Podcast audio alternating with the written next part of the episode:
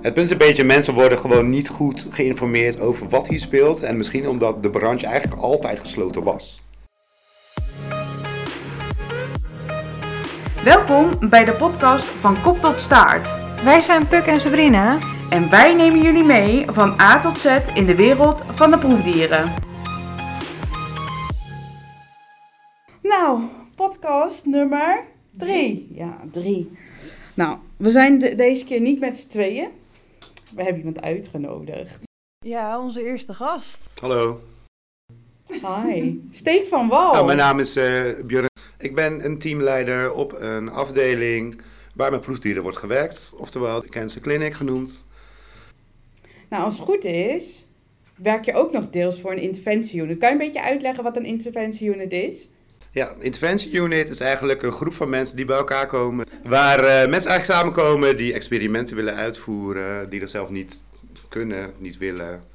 Dus die, eh, ja, daar is een groep opgezet voor mensen die alle expertise in huis hebben om deze experimenten zo goed mogelijk uit te voeren. Met veel gekwalificeerde mensen. Dus eigenlijk is het zo dat een onderzoeker dan niet zijn eigen experiment, dus met muizen werkt, maar alleen de data eh, analyseert. Ja, klopt. Die zijn eh, niet per se alleen geïnteresseerd in de data, maar je moet natuurlijk eh, een, een ja, papiertje hebben om met dieren te mogen werken. En dat heeft niet iedereen. En als ze dat wel willen doen met, met, met diermodellen, dan ja, is deze groep perfect voor om eh experimenten uit te laten voeren. Want je had het net over diermodel. Nou hebben we het de vorige keer al een beetje over een diermodel gehad, maar misschien kan jij daar nog iets verder op ingaan wat een diermodel nou eigenlijk is. Een diermodel, een gen- genetisch gemodificeerd model door de eigenlijk in Jip en Janneke taal. eh, ja, hoe, ga je dat Jip Janneke taal uitleggen? Genetisch gemodificeerd, er worden eigenlijk gewoon degene geknipt en geplakt waarin ze geïnteresseerd zijn om in het geval hier ook kankeronderzoek te doen. Oké, dus, dus eigenlijk betekent het, het is het dier wat eigenlijk zo gemaakt is voor het onderzoek dat daar het ultieme resultaat uit kan komen. Zwart-wit gezien, ja. Dat is Jip en Janneke taal. Ja, ja zeker. Het is heel, heel ja, complex. Maar ja, Ja, en wat heeft jou de overstap doen doen eigenlijk van eh, lid van de interventieunit naar teamleider? Nou, ik zou je nog mooi vertellen. Ik ben begonnen als proefdierverzorger. Lang geleden. eh, en toen eh, werkte ik al op een afdeling wat toen al de Mouse Cancer Clinic was. De Mouse Cancer Clinic was. En die, eh, toen zijn we in een nieuwe gebouw gegaan en toen werd deze groep werd opgezet. En daar deed ik eigenlijk ook heel veel scans maken, CT-scans. En toen eh, hoorde ik dat deze groep opgezet werd en toen ben ik eh, gaan solliciteren. En toen werd ik eigenlijk meteen aangenomen. En vanuit daar ben ik dus meteen aan het werk gegaan, experimenten uitgevoerd en dergelijke. Daar ben ik toen senior eh, technician geworden. En toen kwam dit op mijn pad terecht. En sinds maart dit jaar ben ik eigenlijk deze functie gaan uitvoeren. Dus in een notendop mijn carrière vanaf 2007 tot nu. En still going, dus. Still going, ja. Ik zit net op deze plek en ik hoop nog wel lang te zitten. Oké, oké. En nou, je zei al dat je eh, proefdierverzorger eh, bent geweest, maar hoe zie jij nu de hedendagen proefdierverzorger? Hoe zie ik nu de hele dagen proefdierverzorger? Dat is een goede vraag. Ik heb natuurlijk zelf in die eh, positie gezeten. En hoe zie ik die mensen nu? Mensen die eigenlijk nodig zijn voor de verzorging van de dieren. Omdat natuurlijk, wat misschien niet iedereen weet, wij een best wel groot wetboek hebben waar we aan moeten houden omtrent de dieren die wij houden hier ook. Dus ik denk deze mensen goed oog hebben voor de dieren zelf, dierenliefhebbers zijn. Want ik denk als je geen dierenliefhebber bent, dan kan je eigenlijk hier niet, niet werken. Dat is mijn mening daarover. En hoe zie ik dan hun nu? Ja, essentieel onderdeel van een proefdierhuis. Ja, proefdierhuis eh, natuurlijk eh, bij ons. En hoe zie je dan toekomst van de proefdierverzorgers? Omdat het natuurlijk best wel een discussie is. Zijn proefdieren anno dit, nou ja, 2023 nog steeds nodig? Hoe zie jij dat? De toekomst, ja we, kunnen, ja, we kunnen niet in de glazen bol kijken helaas. En in de media weten we allemaal dat, dat proefdiervrij en tegen proefdieren, ja, dat zie je eigenlijk overal om je heen wel. Maar het is eh, wel zo dat het dit wel noodzakelijk is. Ja, de mensen die eigenlijk heel zwaar tegen zijn, ja, dan kan je zeggen wat je wil, maar die blijven misschien altijd tegen. Maar het blijft wel altijd nodig voor, voor uh, zeker nu, wat wij hier doen in met kankeronderzoek, is het eigenlijk gewoon wel cruciaal dat het blijft gebeuren, gebeuren. Want wij kunnen natuurlijk, in de petri dish kan je niet met, met het immuunsysteem en dergelijke, dat is niet na te maken in een petri dish. Nog niet. Laten we het daarop houden. Nog niet. Ik bedoel, als, als het vervanging zou kunnen komen, kijk, natuurlijk ben ik, ben ik voorstander. Maar voor zie ik dat eigenlijk nog niet, niet, niet gebeuren. Misschien in de verre toekomst. Ja, want we begonnen al een beetje over ja, hoe jij hier terecht bent gekomen. Maar nou zijn we eigenlijk ook benieuwd. Hoe ben jij überhaupt bij de proefdiersector uh, gekomen? Want je hebt natuurlijk een keuze moeten maken op school. Hoe heb je dat gedaan? Hoe ben je daar in aanraking mee gekomen? Nou, dat is eigenlijk wel een grappig verhaal. Ik, ben, uh, ik zat in Barneveld op school en deed eigenlijk, uh, ja, zoals iedereen, eerst die verzorging. En uh, vanuit daar moest je inderdaad een keuze gaan maken. En dan had je veterinaire kant, proefdierkant, wat had je nog meer? Een, een, ja, meerdere kanten. En dus daar zat proefdierwereld ook bij. En wat mij eigenlijk aansprak is eigenlijk, ik wilde eigenlijk altijd dierenarts worden, of iets in die richting. En in te, ik vond het leuk om ook te opereren en dergelijke. En voor dierenarts weten we allemaal, dan moet je eigenlijk best wel ver doorstuderen. En toen werden wij op school uh, geïnformeerd over wat de proefdierwereld eigenlijk was. Vroeger was ik zelf ook tegen, totdat ik eigenlijk meer informatie uh, kreeg van hoe het was. En toen kwam dit aan mijn pad terecht. En toen was het van, nou, dus ik eigenlijk wel zitten, want je kan eigenlijk met deze kan je dan, deze opleiding kan je dus ook injectietechnieken doen, een beetje opereren. Dus toen dacht ik van, hé, hey. en ze werden, werd toen tegen mij gezegd van, goh, in deze branche is eigenlijk altijd werk te vinden. Wat natuurlijk ik zelf belangrijk vond, want ja, in de dierentuin werken, kijk, vond ik ook heel leuk misschien. Maar ja, daar is het wel zo dat, dat, dat mensen werken daar heel lang. Dus de werkgelegenheid is gewoon een heel stuk minder daar. Dus dat, ja, dat was eigenlijk ook wel een gedeelte waarom ik deze kant op ging. Gewoon voor werk, werk noemen we dat? Werk. Ja, de zekerheid die je had voor een ja, baan. de zekerheid. Dus en toen vond ik het eigenlijk ook nog steeds leuker dan dat ik dacht. Want het is ja, natuurlijk wel iets anders dan in een dierenwinkel werken. Ze werken wel met, met, met het wetboek natuurlijk, wat we hebben. En wel, wel, het welzijn zelf. Ja, dat is heel interessant. Ja. En hoe heeft jouw omgeving erop gereageerd? Je ouders, uh, nou ja, vrienden? Ja, over, het algemeen, ja, over het algemeen eigenlijk iedereen wel goed. Want als je een, beetje kan onderbouwen wat er echt gebeurd wordt. Dat veel mensen weten eigenlijk niet wat er achter de muren gebeurt. En zoals ik net al zei, in de media is natuurlijk best wel veel negatieve aandacht voor uh, de proefdieren. Maar zodra je het eigenlijk uitlegt, dan ja, de meesten zeggen van ja, oké, ik zal het misschien zelf niet doen, maar als jij het wil doen, is het prima. En natuurlijk het ouderwetse, als er maar niet op make-up wordt getest en dergelijke, ja. Maar als je dan ook nog werkt, zegt dat je ook nog werkt in het kankerinstituut, dan is het van uh, kankeronderzoek, dat wordt eigenlijk over het algemeen wel gesupport door de meesten. Ja. ja. maar stel, je zit op een verjaardag, mensen die je niet kent, en die zeggen, goh joh, wat doe jij voor werk? Hoe begin je dan? Ik begin meestal wel als ze onderzoek doen naar kanker. Dan heb ik altijd naar hetzelfde idee. Dan heb je een goede inleiding om dan het bruggetje naar de proefdierwereld uh, te maken. En over het algemeen vertel ik het eigenlijk wel, maar ik tast wel een beetje altijd de, de omgeving af. Ja, wat voor mensen het zijn. En dat klinkt misschien een beetje ja, scheiterig misschien of zo, maar... Ik heb overigens niks naars meegemaakt ooit in mijn leven hoor, dat niet. Maar ja, ik heb dat je moet wel een beetje de crowd voelen, zeg maar. De vibe. Of dit de mensen er zijn. Want ik ben ook wel eens wel uh, één keer hoor, overigens. Wel echt zwaar in discussie geraakt met iemand die echt anti ja, alles van dieren was. Uh, vega, vlees, je noem het maar op. Dus, en ja, daar kom je op een gegeven moment niet uit. En als ja, iemand tegen dat staat te schreeuwen, dan uh, wil je je verjaardag niet hebben natuurlijk. Nee. Maar over het algemeen ja, ben ik er wel vrij uh, open over. Omdat inderdaad, ja, het klinkt misschien heel raar, maar als je dan zegt dat, dat het dieren zijn die onderzoek naar kanker is, dan, dan vinden mensen vaak oké. Okay. zeg ik voorzichtig. en wat voor vragen krijg je? Stel, je bent uh, op die verjaardag, je hebt verteld over dat je met proefdieren werkt. Wat zijn de meest gestelde vragen eigenlijk die mensen aan jou stellen? Ja, dat is een hele goede vraag is dat. De mensen zijn inderdaad van, goh, gaat er ooit een, een, een, een genezing komen op kanker? Dat is eigenlijk vraag nummer één, die eigenlijk altijd binnenkomt. Maar ja, wat die mensen natuurlijk ook niet weten, dat het heel complex uh, uh, kanker is heel complex sowieso. Geneed bepaald, invloed uh, van buitenaf, je noem het maar op.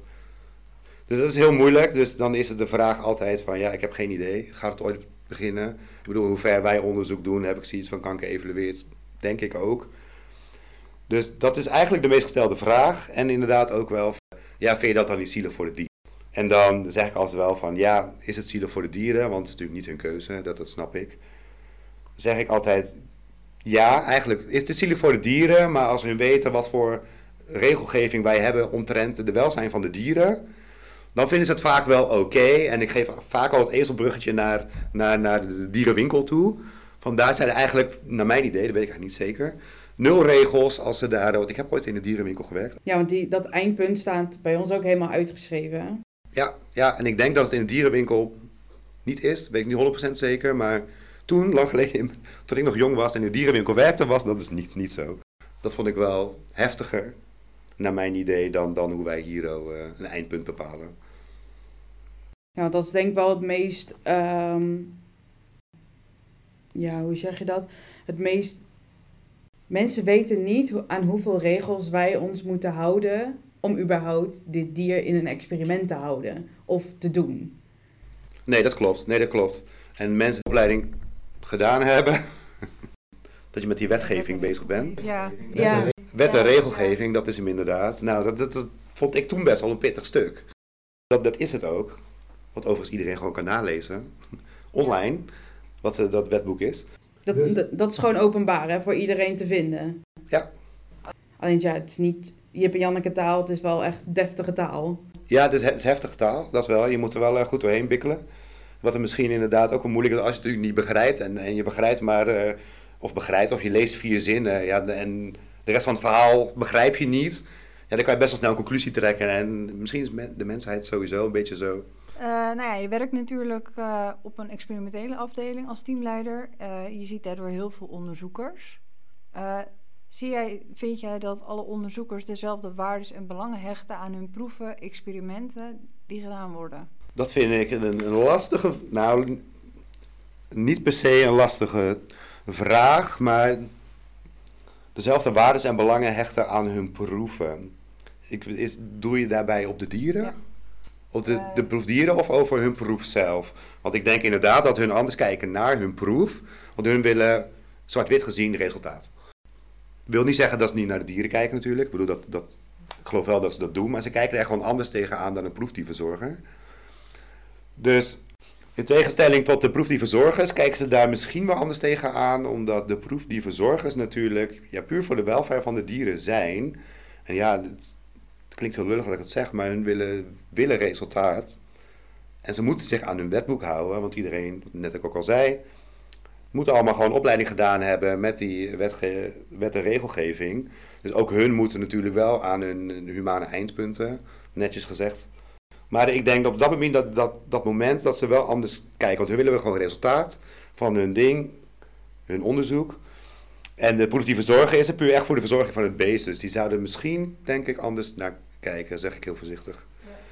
En vind je dat nou moeilijk omdat je nu teamleider bent, maar ook dus in de interventieunit hebt gewerkt? Dus je kent beide kanten in principe, of beide drie kanten, want je bent ook proefdierverzorger geweest.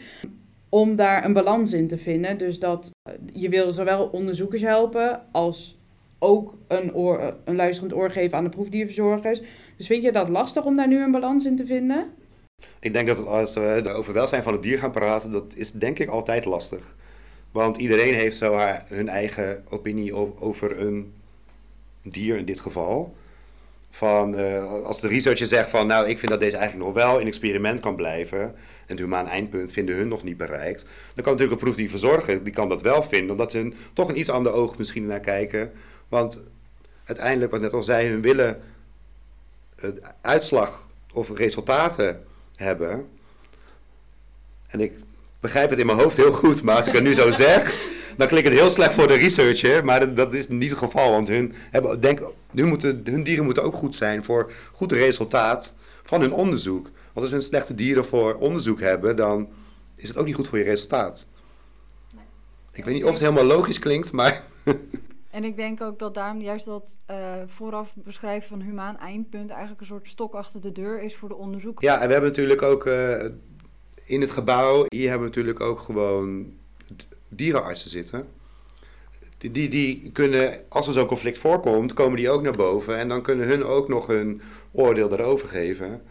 Over het dier. En dan moet ik zeggen, over het algemeen op mijn, mijn afdeling zie ik zeg maar, die conflicten niet heel vaak. En voor mijzelf vind ik het best wel, omdat ik natuurlijk eigenlijk van beide, ik ben proefdieverzorg geweest. Ik heb in een uh, onderzoeken gedaan bij de interventieunit. En ik zit nu op deze, deze positie met de proefdieverzorger weer. Denk ik persoonlijk dat ik wel van alle kanten mooi belicht heb in mijn carrière. Dus dat ik, ja, ik kan mijn zegje natuurlijk dan, er dan ook wel over doen. Maar ik snap in mijn beide punten van de proefdieverzorger soms dat hun zeggen: Goh, ik vind dit. Maar de research zegt: Goh, ik wil dat. En dan kijkt de proefdieverzorger echt aan de hand van echt alleen puur het welzijn van het dier. Terwijl de, de, de, de researcher dan eigenlijk heeft zo, goh, maar ik wil die eigenlijk ook nog wel houden, want mijn resultaat moet eruit. Omdat, ja, geef me een goede reden. Ik snap hem helemaal. Even naar een andere, hele andere vraag. Uh, proefdierverzorger, het klinkt heel makkelijk. Uh, in sommige gevallen is het misschien ook makkelijk. Maar we hebben het ook best wel soms op sommige vlakken best wel zwaar. Denk ik. Denk jij ook toch? Ja. Hoe denk jij over de status van de geestelijke gezondheid van een proefdierverzorger? Dat vind ik ook een goede vraag. Als jij mij kan uitleggen wat jij er dan zwaar aan vindt, dan kan ik hem misschien ja. verder invullen. Van zwaar fysiek of, of... Nou, het is vooral mentaal. Uh, mentaal. Het, het, wordt bij dierenartsen al meer bekend van... hé, hey, het, het, het is mentaal zwaar op mensen dat ze nou ja, uh, dagelijks te maken krijgen met overlijden van huisdieren. Ja. Nou dat zijn natuurlijk ook dieren waar anderen omgeven. Dat is voor een dierenarts niet meteen een connectie misschien. Maar ja, ook bij uh, proefdierverzorgers zal dat misschien meespelen, omdat je uh, dagelijks toch te maken krijgt met ja, sterfte van dieren. Ja, klopt. Dat geloof ik inderdaad ook wel. En ik weet terug in de tijd, dan ga ik weer naar vroeger, toen ik nog een proefdierverzorger was. Er was inderdaad ook wel, dus soms had je wel een x aantal dieren. Ja, wat voel je je niet lekker bij natuurlijk, want het is niet leuk om te doen. Ik had toen, kon het best wel makkelijk uitzetten, zeg maar. Maar wat ook wel soms resulteerde dat je eigenlijk soms iets te lang uitstaat, als het logisch klinkt. Ja, je emoties. En je moet zo een soort van, je emoties worden inderdaad soort van uitgezet en die moet je ook wel weer aanzetten. Dus wat dat betreft denk ik eigenlijk dat je geestelijk ook best wel sterk moet zijn om dit te kunnen doen. En zeker als je vaak dieren moet euthaniseren natuurlijk. En dieren met tumoren in dit geval ziet. En dus hoe staat de geestelijke gezondheid? Ja, ik hoop heel sterk. Eigenlijk. En zo niet hoop ik dat mensen het ook snel aangeven, want dan, uh, ja, dan kunnen we er misschien wat aan doen. En wat denk je? Stel, ik kom naar je toe en dan zeg ik: Björn, ik voel me niet zo lekker. Uh, wat ik allemaal moet afvoeren of wat ik allemaal tegenkom, vind ik niet zo fijn. Ja. Hoe zou je dat oplossen voor diegene? Of voor mij in dit geval? Voor jou, ja. Dit, als je natuurlijk gewoon gevoelig daarvoor bent. Ja, dat is, een hele goede vraag. Ik ga hier even over nadenken. Dan zou het misschien naar iemand anders moeten. Maar goed, dan krijg je natuurlijk een soort van domino-effect dat iemand anders dan misschien twee keer zoveel moet doen dan omdat diegene jouw werk daarin overneemt. Ik denk ook, je moet niet te gevoelig misschien zijn om hier te werken, want iedereen die dit vak kiest weet eigenlijk wat je komt doen en er worden eigenlijk experimenten gedaan, ja, in ons geval op de muizen. Dus geestelijke gezondheid, ja, die moet gewoon sterk zijn. Ja, dus eigenlijk gewoon een dikke huid moet je hebben. Een dikke huid, inderdaad. Misschien dat je gevoel even uit moet zetten. Maar goed, in de kader van de, drie V's, heet het in het Nederlands? Ja, de drie V's. Ja, zijn we natuurlijk wel erg bezig met, met de vermindering. En ik denk dat we, vergeleken met vroeger, zeker met vroeger, dat we daar wel echt goed op weg zijn om dat te verminderen. Dus dat we niet veel dieren meer hebben, zoals vroeger dan, om, om te euthaniseren. Inderdaad, de geestelijke gezondheid, je moet inderdaad dikke huid hebben. Misschien soms je gevoel uit, maar niet helemaal uit. Het moet niet gevoelloos worden, zeg maar. Eh, want ja, je bent wel een dierverzorger en dat kan denk ik niet zonder gevoel. Nee.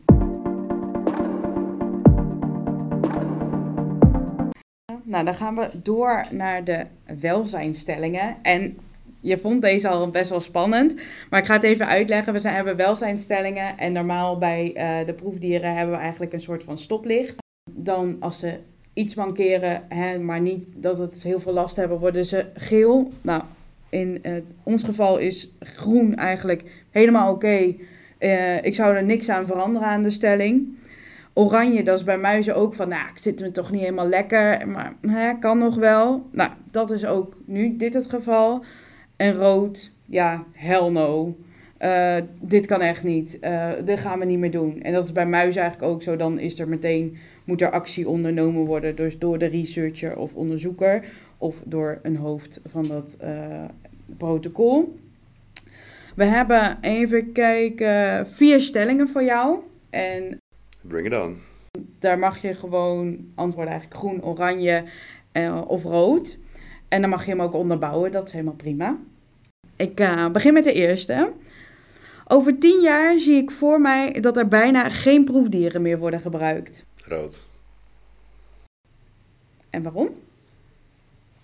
Het is niet het- zozeer het geval van dit kan echt niet, maar ik denk niet dat we zo snel naar een proefdiervrije wereld gaan. Zeker ook alles wat eigenlijk bijna de kliniek ingaat, dus de preklinische fase is, dat moet gewoon op dieren getest worden. Anders, ja, het klinkt heel raar, maar als jij in een petri dish, eh, wat in dit geval wat kankercellen kan genezen, wil nog niet zeggen dat dit in de mens ook kan. En dat is natuurlijk heel zwart-wit gezegd, dat snap ik. En ze kunnen ook best wel veel in petri dishes. Dat geloof ik wel, maar ja, het blijft toch altijd anders dan dat je in een levend wezen eh, iets test qua, qua immuno, eh, immuunsysteem en dergelijke. Leg heel kort uit wat een petri dish is. Een petri dish, zo. dat is gewoon een plastic schaaltje waar eigenlijk de researchers hun ja, cellen of iets dergelijks in kunnen doen. Eh, en dat kan gewoon ja, in de stoof gezet worden waar je cellen groeien bijvoorbeeld. Het is gewoon een plastic, plastic schaaltje. Ja. Eigenlijk wel, met een moeilijk woord. Heel simpel. ja. Nou, volgende stelling. Ik ben liever teamleider dan lid van de interventieunit. Oeh, dat is een persoonlijke vraag.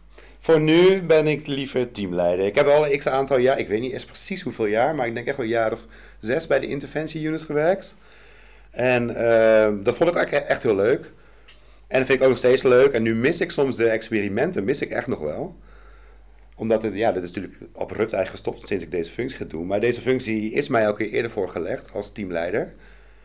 Toen ook van T1. En eh, mijn vorige collega die op mijn positie, nu, mijn, nu mijn positie zat, die ging vertrekken. En toen dacht ik van, hé, hey, hier moet ik eigen werk van maken. Want ik heb toen eigenlijk altijd afgevraagd, hoe zou het zijn als ik deze positie nu zou doen? Dus nu liever teamleider. Maar ik mis de interventieunit soms nog wel, omdat ik gewoon experimenten uitvoeren ook echt heel leuk vond. En je kan het niet 50-50 doen? Ja, ik ben nog wel een gedeelte eh, bij de interventieunit op papier. Echt experimenten, de verantwoordelijkheid daarvoor hebben en het echt compleet volgen wat ik voorheen deed. Dat ja, is bijna niet te combineren met mijn baan, want ik zit ook nu op deze positie best wel kort nog. Dus ik moet even alle ins en outs moet ik hier even goed onder de knie krijgen. En ik probeer de interventie natuurlijk wel zo, zo goed te helpen waar ik kan. Ja, want als teamleider moet je natuurlijk iedere stopcontact op de afdeling natuurlijk weten. Ja, ik had vandaag er twee kapotte, dus... eh. nou, dat is niet best. Nee, dat weet je het al. Nou, de volgende. Mensen die deze sector niet kennen, snappen niks van de druk die er soms heerst op een proefdierverzorger of überhaupt op mensen die experimenten eh, doen. Ja, ik wil groen zeggen. Maar misschien ook een beetje oranje, een beetje ertussenin. Ja, het punt is een beetje, mensen worden gewoon niet goed geïnformeerd over wat hier speelt. En misschien omdat de branche eigenlijk altijd gesloten was. Dat is... Ik merk nu al met, met, met vroeger, sinds, sinds 2008 zit ik hier al. Vroeger mocht, werd eigenlijk niks naar buiten gebracht. Maar weten ze helemaal niks? Dat geloof ik niet. Of ze de juiste informatie hebben en op de juiste volgorde de informatie hebben, dat is misschien een, een beter de vraag. En wat vind je dan nu van dit initiatief, dat we nu deze podcast zijn gestart? Vind, ik- vind ik een leuk initiatief. Inderdaad, ook naar de openheid naar, naar, naar, naar buiten toe gewoon. Eh, als mensen vragen hebben of iets dergelijks, dat ze gewoon in plaats, vraag het aan de instituten zelf. Of, of in plaats van dat je online gaat zoeken, want internet is sowieso soms een beetje een toxic place, vind ik. Want je kan eigenlijk zoveel informatie vinden, waardoor je eigenlijk misschien zelf niet eens weet wat eigenlijk de waarheid is. Als mensen de helft maar weten wat hier gebeurt, misschien, dat zal ze misschien al iets helpen. Ja, want mensen denken we soms nog steeds, ik zei het in de vorige podcast ook al, dat er een rat met eh, een oor op zijn op zijn rug loopt. Maar even, kijk, wij kunnen zeggen van dat gebeurt hier niet. Kan jij dat nog vertellen dat dat hier niet gebeurt? Maar Nou, dat gebeurt echt niet. En volgens mij stamt dat plaatje echt eh, uit lang, lang, lang, lang geleden, die in elk tekstboek ongeveer terugkomt. Eh, nee, die hebben wij dus hier niet. Nou, en dan hebben we de laatste stelling. Ik vind dat de geestelijke gezondheid onder proefdierverzorgers meer aandacht verdient. Nou, we hebben het natuurlijk al een klein beetje over gehad. Ja, klopt. Meer aandacht verdient van intern. Hoe de geestelijke gezondheid van de mensen op de afdeling nu is. En ik moet zeggen dat. Ik zit net op deze positie, maar ik, heb, ik kan me niet herinneren dat het mij ook ooit gevraagd is eigenlijk. Het is eigenlijk wel een hele goeie, omdat misschien met een jaaroverleg of gooit een keer in een meeting of misschien kwartaalgericht te vragen hoe dat eigenlijk is. Dat vind ik eigenlijk een hele goeie. Ja, want nou ja, we hebben natuurlijk eh, dag van de verpleging, dag van de zorg en nou ja, noem maar van die dagen op.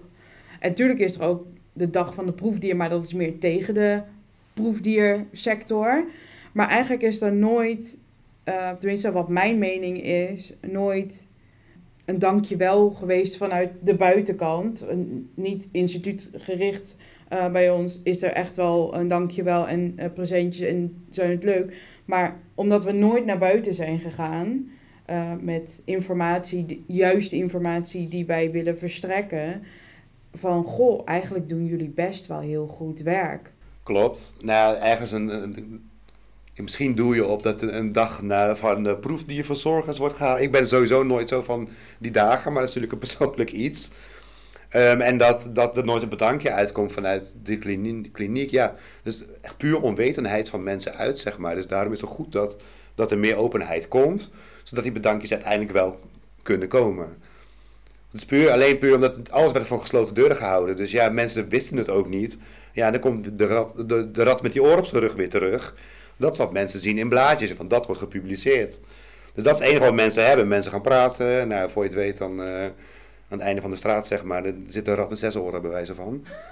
Dus ja, dat, dat- ja dus, dus ik denk meer dat gewoon mensen weten het ook gewoon niet. Dus dan kunnen ze de bedankjes ook niet Ja. geven.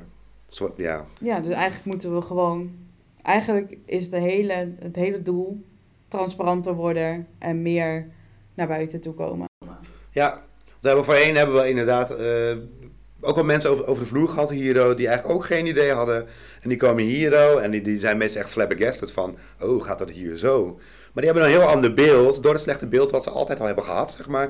Dan, gaan, dan komen ze hier naartoe en dan zijn ze meestal een beetje zenuwachtig en ze verwachten allemaal rare dingen. En dan ga je vertellen over het welfare systeem wat we hier hebben, eh, de, de, dagelijkse controles, et cetera. En mensen zijn echt wel vaak onder de indruk van, oh, ze vinden het nog steeds zielig voor de dieren. En, ik bedoel, en dat mag ook.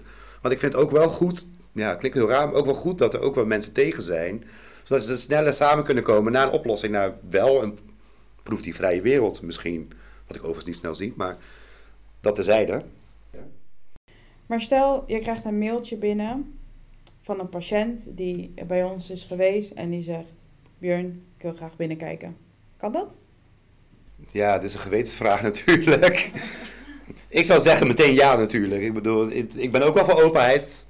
En zeker als patiënt zijnde, dan eh, ja, wil ik, ja, zou ik het wel mooi vinden als het kan. Maar we zitten natuurlijk wel met een barrière hier, oh, waardoor we eigenlijk alles op de afdelingen zo schoon mogelijk willen houden om het beste resultaat te hebben in het onderzoek. Ja, we kunnen natuurlijk niet een lopende band worden van open dagen dat elke dag mensen over de vloer komen. Want het blijft toch een risico om zo schoon mogelijk te blijven, steriele werkomgeving te hebben. Dus ja, ik zou het voor zijn en dan zou je misschien een, een dag moeten organiseren in het jaar dat een geselecteerd clubje deze kant op kan komen, bijvoorbeeld. Dat is wel eh, leuk. eh, tenminste, wij vinden het leuk als er mensen komen kijken. Maar eh, ja, ik snap ook dat er Ja, heel veel mensen zijn die er niet, die niet willen komen kijken, maar het oké vinden van een afstandje. Dus dat wij het vertellen. Dat vind ik ook prima. Dat is natuurlijk ook sowieso een heel mooi initiatief. En ik weet niet hoeveel meer instituten in Nederland eigenlijk ook aan, aan bijvoorbeeld op Plux of een Instagram page hebben. Dat, dat weet ik niet, maar over het algemeen. Ik heb ook gewerkt, even hak op de tak, stage gelopen in het, eh, daar hadden ze dus wel activisme. En daar werd ook verzocht dat je mag niet meer alleen naar buiten. Je moet met z'n tweeën. En ik moet zeggen dat dat niet fijn was op dat moment. Want er staan mensen voor de deur eigenlijk voor jou op de stoep. Omdat ze eigenlijk niet eens zijn met wat jij doet, zeg maar. En soms stap ik inderdaad nu ook gewoon met de geestelijke gezondheid. Ik ga even helemaal terug hoor, maar Dat geeft niet. de geestelijke gezondheid inderdaad, dat, dat, ik denk dat ook wel meespeelt. Maar naar mijn idee wordt het wel steeds minder met de tijd. Dat er activisme eh, is. Laat het zo houden alsjeblieft. Ja, Dus vandaar ook openheid. Ook naar die mensen toe. Wat ik zei, je krijgt niet iedereen om waarschijnlijk. Je hebt altijd mensen die... En ja, haal wel je gevoel inderdaad. Maar, Maar we, ja, we hoeven ook niet iedereen om te krijgen. De- deze podcast is ook niet bedoeld om iemand om te krijgen, maar meer gewoon van, ja, even het, het zaklampje in, in de proefdiersector te schijnen. En goh, we zijn daadwerkelijk niet zo slecht als sommige mensen denken. Kijk, ik ben wel vroeger, ehm, in mijn stageperiode heb ik eh, in... oh echt? Ja, dus, Maar dat is met, met, met grote dieren, toch? Ja, Ja. dat was met grote dieren. Alleen, ik, ik was niet boos en ik snapte het ook wel. Alleen ik vond het wel echt heel vervelend, want die rode verf kreeg ik niet meer van mijn velletje. Nee, Maar, eh, waarschijnlijk erop uitgekozen. ja, dat zou best, maar ja, op dat moment moet een proefdierverzorger dat wel, ja, klinkt gek, maar slikken. Ehm, want als je er tegenin gaat of wat dan ook, dan wordt het alleen maar erger. En dan komen die filmpjes online van, oh zie, kijk hier en eh, ze vechten toch wel terug. Ja, dat moeten we niet aan beginnen, denk ik. Nee, dan word je eigenlijk gewoon, dan, dan, ben, is de proefdieverzorger op dat moment degene die eigenlijk olie op het vuur gooit, denk ik. Maar ik snap wel dat het rot is als je gewoon ja, wel verf over je heen krijgt of we- weet ik veel. Je komt wel op internet terecht, you name it. Dat, ja, je moet inderdaad wel slikken. Dat, ja, zeker waar. Ik kan daar gewoon niet meer op zeggen. En die mensen moeten misschien juist wat meer duidelijkheid hebben hoe dingen lopen, het wetboek waar we mee te maken hebben. Eh, dat ze inderdaad nog steeds niet meer eens zijn, is prima. Maar dat het wel gewoon noodzakelijk is wat we eigenlijk doen. We doen het niet voor de lol. Ik bedoel, iedereen is bezig met de verfijning, vermindering en vervanging. Björn, ik wil je heel hartelijk bedanken dat je onze eerste gast was hier. En dat je het aandurfde om met ons tegenover ons te zitten met een microfoon voor je neus. Ja, volgens mij ging het best goed. Ik bedoel, het is voor mij de eerste keer dat ik überhaupt ooit een podcast in mijn leven gedaan heb. Ja, maar je zei wel meteen ja, dus dat is wel heel Ik zei meteen ja. Ja. Wat ik al zei, ik ben voor de openheid, dus eh, ik vind het leuk om te doen. Nou, super dat je het hebt gedaan. En eh, ja, be- heel erg bedankt. Geen dank. Mocht er nog een aflevering komen waar ik eh, uitgenodigd bij kan worden, call me. Ja, dan, eh, dan eh, steken we onze vinger of trekken we aan je mouw. Heel goed. Goed, Ja. dankjewel. Succes nog. Dank je.